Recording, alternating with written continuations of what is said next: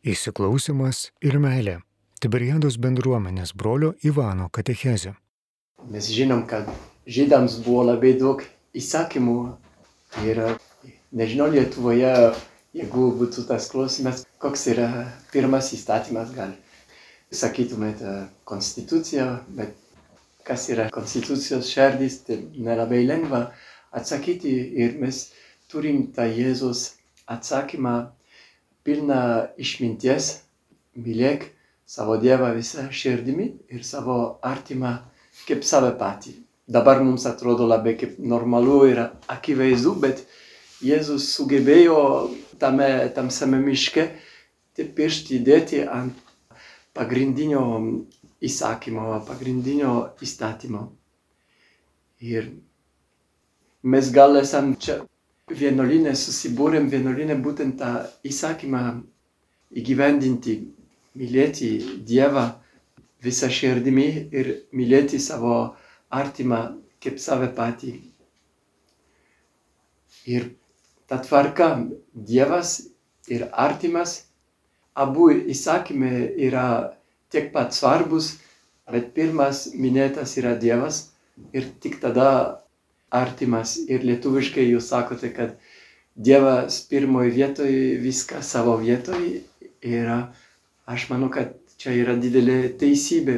Kartais, kai nebe Dievas yra pirmoji vietoj, mūsų meilė tampa stabmeldystė. Mes, mes visi išganimo, išgelbėjimo trokštam ir bet tik Dievas mums duoda šitą išganimą ir kai pradedam nežinau, tikėtis to išganimo iš kažkokio žmogaus, dažnai būna kaip nusivylimas, nes tik tas išganimas iš Dievo gali ateiti.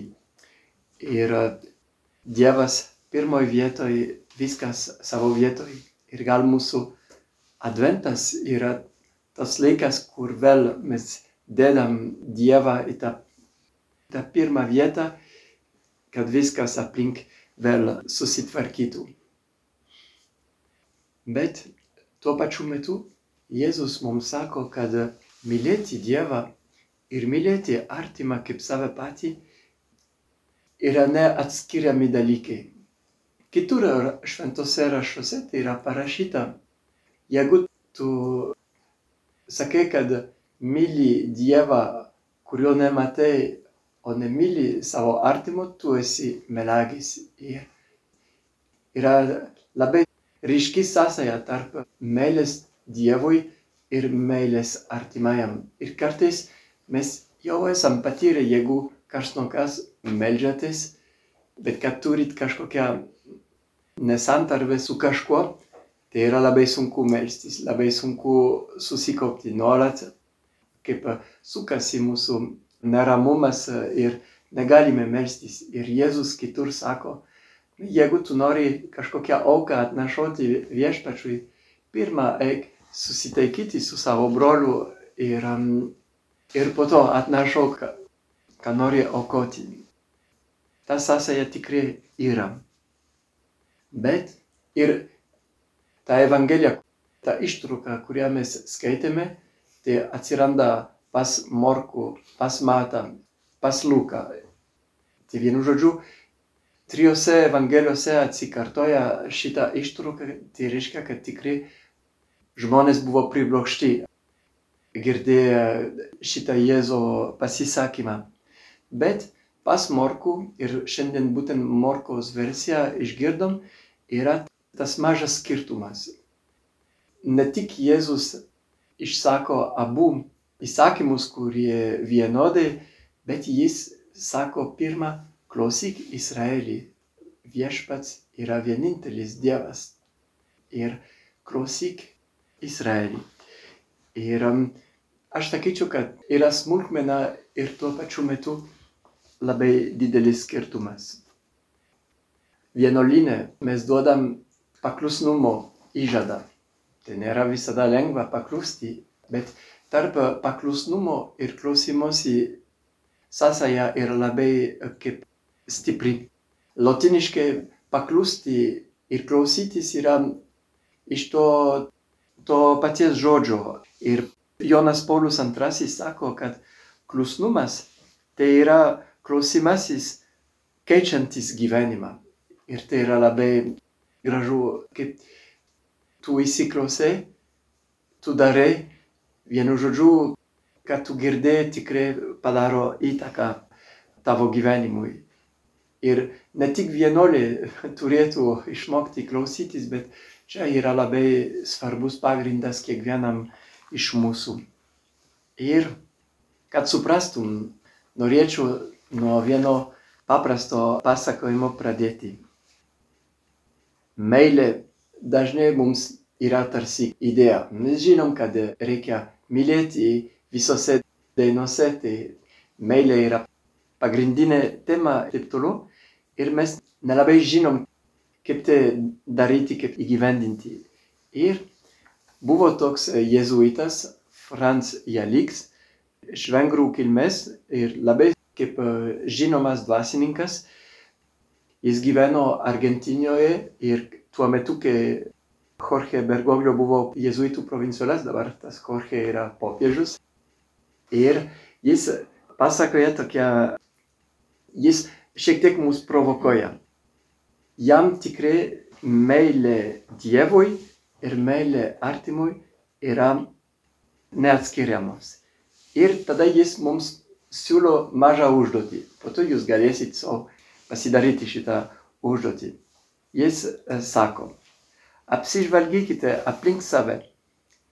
Jei aplink jūs yra šimtas žmonių ir iš jų jūs mylite dešimt, esate abejingi septyniasdešimt penkiems, negalite pakesti dešimties ir niekinate penkis, vadinasi, mylite Dievą 10 procentų, esate jam abejingi 75 procentais, negalite pakesti jo 10 procentų ir niekinate jį 5 procentais. Nežinau, ar kažkas jau šitaip susimastė, bet yra labai saubinga. ir jeigu tas jeliks yra teisus, gal mes nemylim Dievo taip stipriai, kaip įsivaizduojame. Gal mes nesam tokie tikintys, kaip manome. Bet jeigu priimam šitą idėją, galėsim atsikratyti daugybės iliuzijų ir mus tiesiog blaivina šitas mąstymas. O kaip tas, kaip tas jėzuitas, tas Francas priejo prie tos baisios išvados? Jis papasakoja irgi, kai jis buvo brandaus amžiaus vyras, mokytojas, kunigas, dvasininkas ir visa kita, jis buvo šimtų procentų atsidavęs savo misijai. Ir vienu metu jį ištiko didelės abejonės, didelė krizė. Jis pradėjo visko abejoti, ar jis pasirinko teisingą kelią, ar net ar tas Dievas, ar jis egzistuoja, ar tikėjimas yra tikras ir taip toliau. Ir tie klausimai pradėjo tą jėzuitą labai stipriai kamuoti. Bet tuo pačiu metu jis turėjo labai aktyvų gyvenimą. Jis klausėsi išpažinčių, jis turėjo patarti daug žmonių, kitus vienuolius ir taip toliau, bet vis tiek jis turėjo tą, tuos klausimus. Su vienu žodžiu, jame buvo labai didžiulė praraja. Iš vienos pusės tu kalbėjai apie tikėjimą, apie Dievą ir taip toliau, ir iš kitos tu tuo Dievu nebežinai, ar jis tikrai egzistuoja. Ir vienu metu tas žmogus buvo taip stipriai pasimetęs, kad jis ketino palikti kunigystę, pašvesai gyvenimą ir visą kitą. Tai vienu žodžiu, aštri krizė. Ir atsitiko tas mažas įvykis. Jis buvo dėstytojas universitete ir um, kasdien su kolegomis um, jis gerdavo kavos.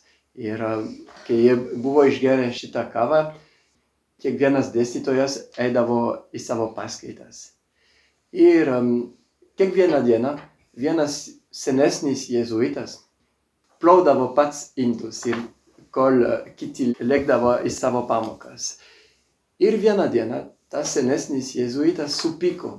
Nu, jūs kiekvieną dieną mane paliekat su indų plovimu ir lėkėt į savo pamokas. Tai negražu ir um, aš noriu pagalbos. Ir tas žmogus buvo taip supykęs, kad jis net ir pradėjo keittis. Nu, būna.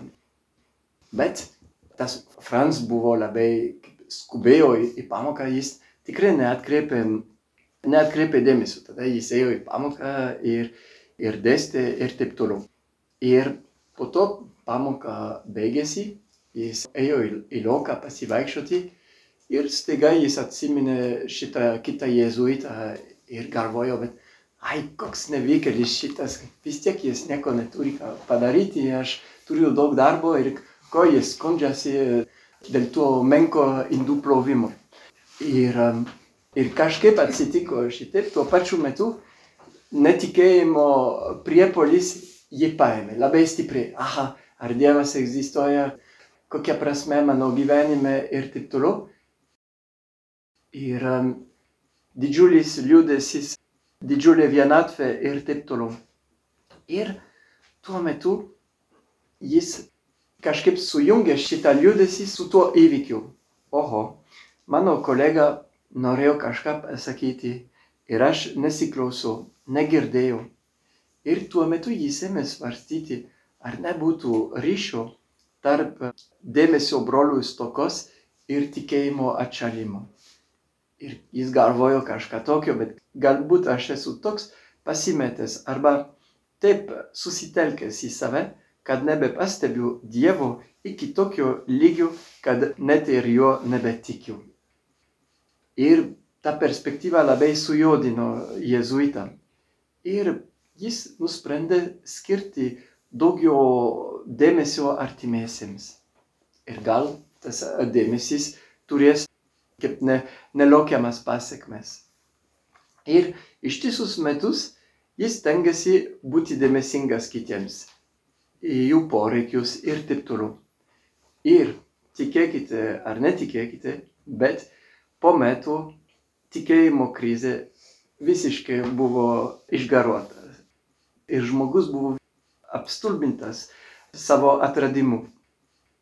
Ir, ha, aš buvau dėmesingas, nežinau, indų plovimui ir dabar aš vėl, aš vėl tikiu, vėl tas Dievas yra gyvas mano gyvenime, konkretus ir taip toliau. Tai žmogus sako, bet visiems, visam pasauliu reikia tą teisybę skelbti, ar ne? Nežinau, tada atsiveria Evangelija ir, ir matė, kad buvo jau juodu ant balto parašyta 2000 metų, ar ne?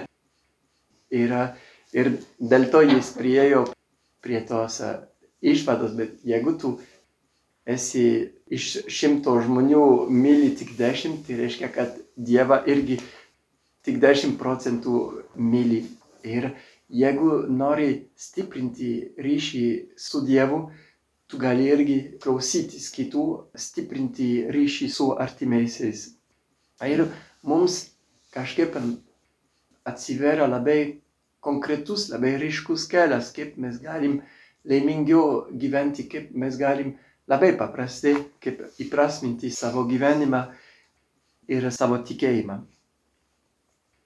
Ir vienu žodžiu, meilė Dievui, meilė artimui mes galim be galo diskutuoti apie kas yra, ką reiškia, ką daryti ir taip toliau. Bet mes galim nuo to irgi, nuo to pirmo žodžio pradėti klausyk, klausykitės. Ir kodėl būtent nuo šito, žinoma, dėl to, kad Jėzus nuo šito žodžio pradėjo, bet mes galim stebėti, kad be klausymosi bet nėra santykių. Nėra galimybių mylėti. Be įsiklausimo jokie mano veiksmai, jokie mano žodžiai nepasieks kito žmogaus. Nu, aš galiu būti labai geras. Gal jūs visos plaunat indus šeimoje, nežinau. Bet ir galėtumėte pasiteisinti. Aš viską darau šitose namuose, aš viską tvarkosi ir taip toliau bet kartais ne to reikia, kai Morta buvo virtuvėje ir skundėsi, kad neturi pagalbos. Jėzus sakė, bet Marija, ji klausosi mano žodžio, ji pasirinko gerosią vietą. Jei nebus atimta šita vieta. Ir kartais, nu, tas Francas, jis neplodavo indų, ir, bet tas nepaslaugumas buvo neįsiklausimas. Bet kartais mes savo paslaugumu, mes vis tiek nesiklausom ir mes darom, visą tai mes darom dėl savęs, mes darom, kad būtumėm teisūs, kad šviestum savo, savo akise, būtum dorus žmonės ir taip toliau. Klausytis tai yra, yra dar kažkoks kitas, kitoks veiksmas. Reikia atverti savo ausis, savo akis savo širdį. Ir yra ir aktyvumas, ir pasyvumas. Kažkaip reikia ištiesti ausį, kad klausytumės kažką. Bet reikia irgi, nežinau, atsiverti ausį, kad kažkas į vidų įlystų, ar ne? Yra labai, labai, labai sunku tikrai klausytis. Tas pats Frans uh, Jalik sako, jūs galite daug kočerių, daug terapeutų daug visok, visokių žmonių pasikviesti, kaip ieškoti patarimų ir taip toliau. Jeigu jūs paprastai mokysitės klausytis ir prie to kaip atsispirsite, daug dalykų išsispręs. Būtent mes labai daug strategijų mes turim, kad neįsiklausytum. Mes pavyzdžiui, tas kitas jėzuitas keikiasi, nieko, niekas neplauna, aš galiu kaip pelytė pasišalinti ir uh, nepastebime dingsti. Ir tai aš galiu apsimesti, kad ne, nestebėjau, nu, kai yra elgeta ar kažkas, ai, aš nukreipiu savo žvilgsnį ir, ir viskas, aš pasilieku ramus. Arba kaip kažkas papasakoja kažką, aš galiu pertraukti. Aš irgi tą patį žinau ir taip toliau. Ir tai būna kaip tie žmonės, kurie vienu metu mes norim kažką pasakyti ir labai įkyrė, ai, aš irgi. O tai aš irgi skirybas patyriau ir jie pradeda papasakoti ir taip toliau. Ir tada tu būni vienišas, neišklausytas tiesiog. Ir Bet mes esam tokie žmonės, aš irgi, aš žinau ir, ir taip toliau. Tai yra labai sunku, kaip nepasiduoti šitam gundimui. Arba, jeigu esam labai mandagus, mes apsimetam, kad klausomės, bet iš tikrųjų jau galvojame apie kitą susitikimą, apie buvusį susitikimą ir taip toliau. Mes esam fiziškai, mes esam čia, bet mūsų dvasia kažkur skraido kitur kartais, kai kažkas mane pertraukia ir tai aš galiu būti labai užsiemęs ir, aha, dabar neturiu laiko, neturiu laiko, e, esu užsiemęs. Turbūt yra tiesa, mes visada esam užsiemę, bet jeigu žiūrim į tą gerojo samariečio palyginimą, kunigas praėjo ir nesustojo. Tas rašto aiškintojas irgi praėjo ir nesustojo. Tas samarietis irgi praėjo, gal jis nežinau, buvo pirklis, jis turėjo savo reikalus ir taip toliau, bet jis vis tiek pakeitė savo planus aukštyn kojom, nes jis matė, nu čia yra poreikis. Jis kaip mokėjo įvertinti situaciją, įsiklausyti ir veikti pagal ką jis buvo matęs. Ar esat girdėję apie tą knygą Penkios meilės kalbos? Aha, Kas niekada negirdėjo apie šitą knygą? Tas Gary Chapman yra amerikietis ir porų kaip patarėjas ir jis suvokė, kad yra penkios meilės kalbos kalbamos visame pasaulyje ir jo nuomonė nėra šešių, yra penkios. Ir yra daug dialektų, daug niuansų, daug variantų ir taip toliau, bet visada viskas kaip rezumuojasi į tas penkias kalbas. Ir pirma kalba tai yra drąsinantis ir godžiantis žodžiai. Nu, kaip sakyti komplimentą kažkam ar padrasinimą, ar įvertinti, ką, ką, ką tas žmogus darė ir taip toliau. Čia yra pirma kalba. Antra kalba tai yra buvimas kartu. Aha. Žmonės eina į restoraną ne tik, kad skaniai valgytų, bet kad būtų kartu. Trečias tai yra paslaugumas. Mylėti yra ne tik žodžiais sakyti tu šaunus, bet irgi plauti indus ir padėti. Ketvirta kalba tai yra dovanas. Lietuvoje ta kalba yra labai svarbi. Kai važiuoji į svečius, su lėktuvėm būtinai važiuosi. Ir žmonės net neatkreipia dėmesio, tai yra normalu. Belgijoje tai nėra taip normalu. Arba tai turi, arba, matot, bet, bet mes turim ne tik lietuviškai, prancūziškai, angliškai mokėti kalbėtis, bet irgi tas, ka, būtum poliglotais, ar ne šitomis meilės kalbomis. Net kai išvažiuoji iš svečių Lietuvoje, dar su lėktuvu išvažiuoji.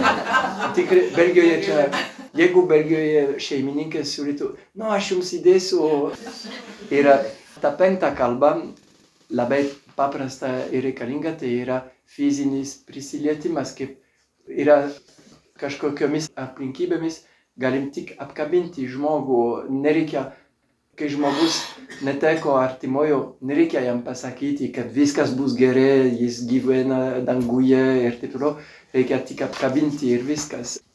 Bet mano nuomonė, tos penkios kalbos, nors labai svarbos, yra tuščios be įsiklausimo. Jeigu tu viską darai be įsiklausimo, dar tu darai viską dėl, dėl savęs.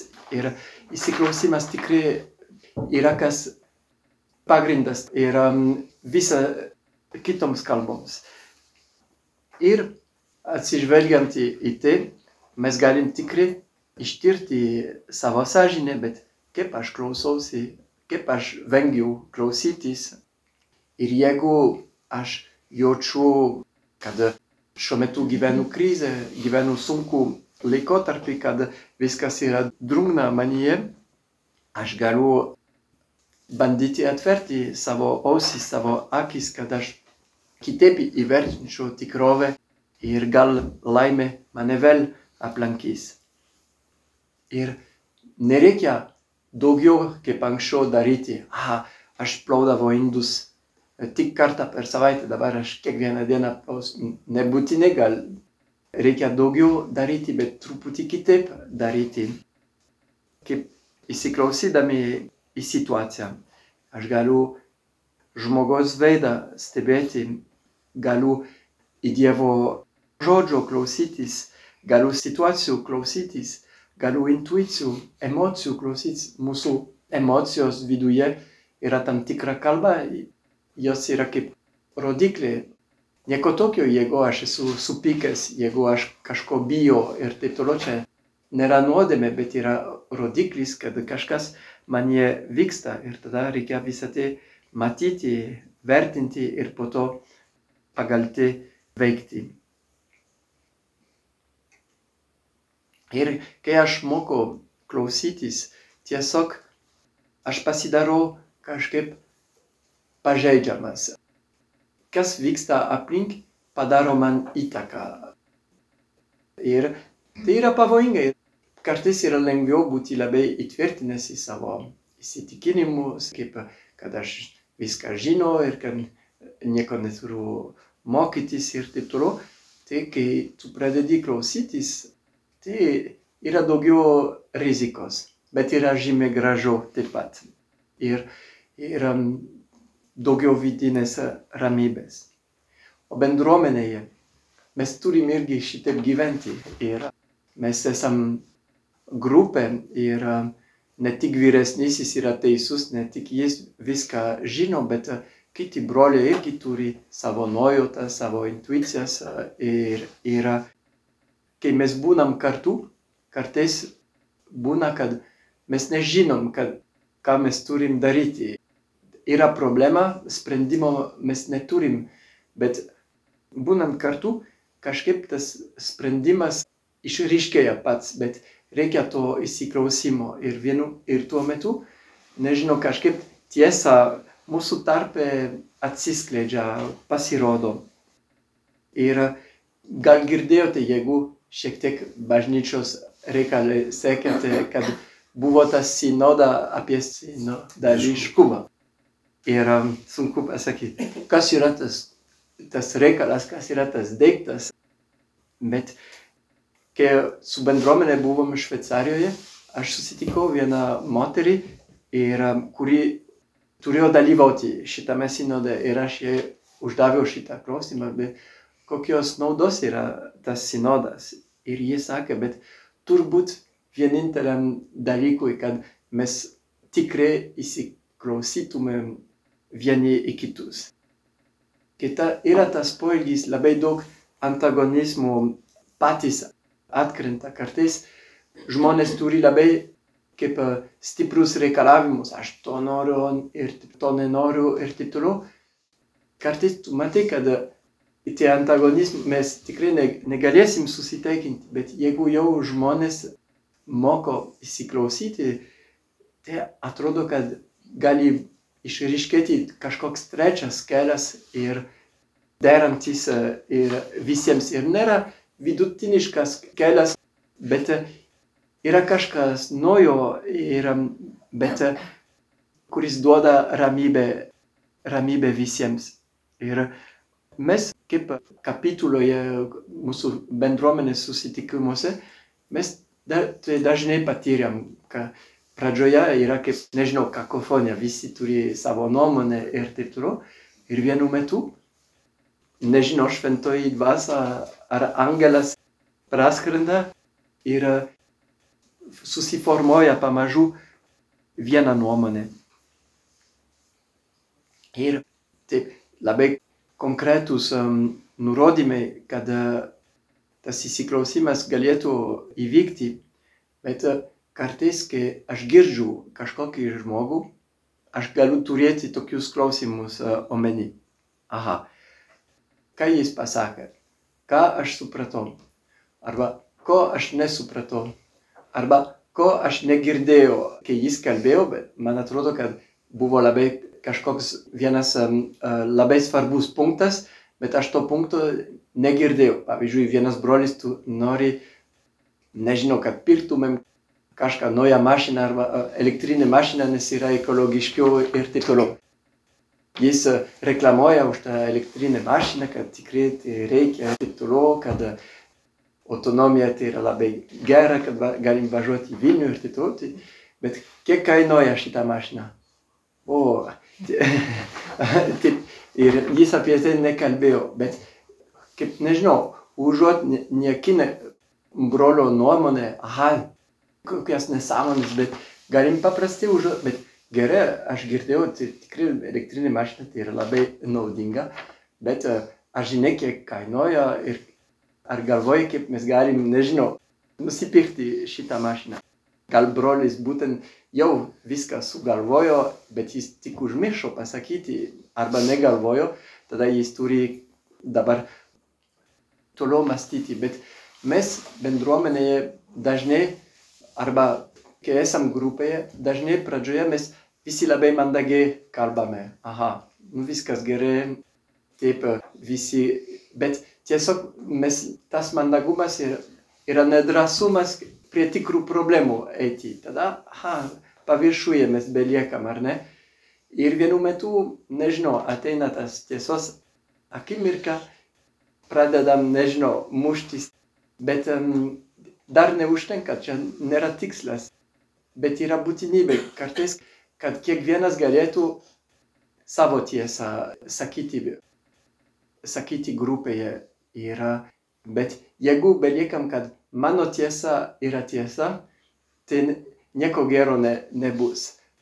Tada ateina trečias etapas, aha, yra ta, tavo tiesa, tai yra mano tiesa ir kiekvienas gali savo tiesą pasakyti ir, ir pamažu išryškėja kažkokia nauja tiesa, nematyta, bet kuri suderina tavo tiesą su mano tiesa ir su kitom tiesa.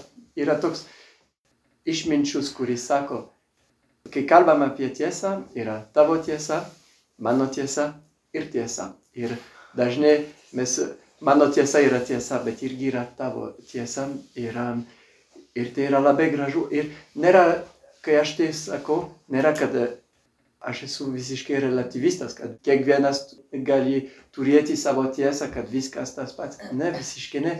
Bet tiesa yra didesnė už mus ir tiesa kažkaip išryškėja irgi dialogą, įsiklausime. Ir um, kiekvienas turi teisę ir privalo savo tiesą sakyti, jeigu man yra neramu dabar, man yra, aš šitaip jaučiuosi, tai yra geriau sakyti irgi tą tiesą, kad ta didesnė tiesa galėtų viską, viską apimti. Aš manau, kad ta nuostata galioja visiems vienuoliams, sutuoktiniams, vyresniesiems, pavaldiniams.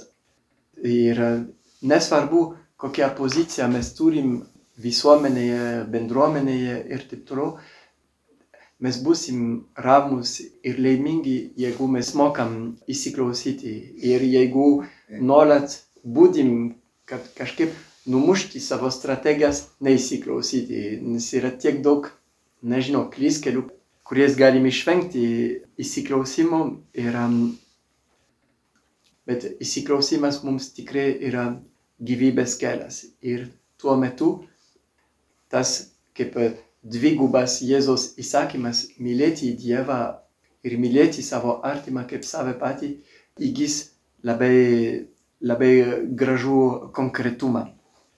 Ir neužmirškime, kad tie abu įsakymai yra neatskiriami. Ir jeigu noriu patirti daugiau artumo su Dievu, bet reikia įsiklausyti kaip artimųjų ir tuo metu, nes tiesiog kaip mes klausomės kitų žmonių, taip ir Dievo žodžio, taip ir, ir paties Dievo. Tai va, tai vienu žodžiu, mano šiandienos pamokėlė yra labai rezumuojasi vienu žodžiu, klausykitės ir jeigu vien šitą galėtumėte įgyvendinti, aš esu tikras, kad turės irgi kitą atspalvį. Ačiū Jums. Girdėjote Tiberiados bendruomenės brolio Ivano katechezę įsiklausimas ir meilė.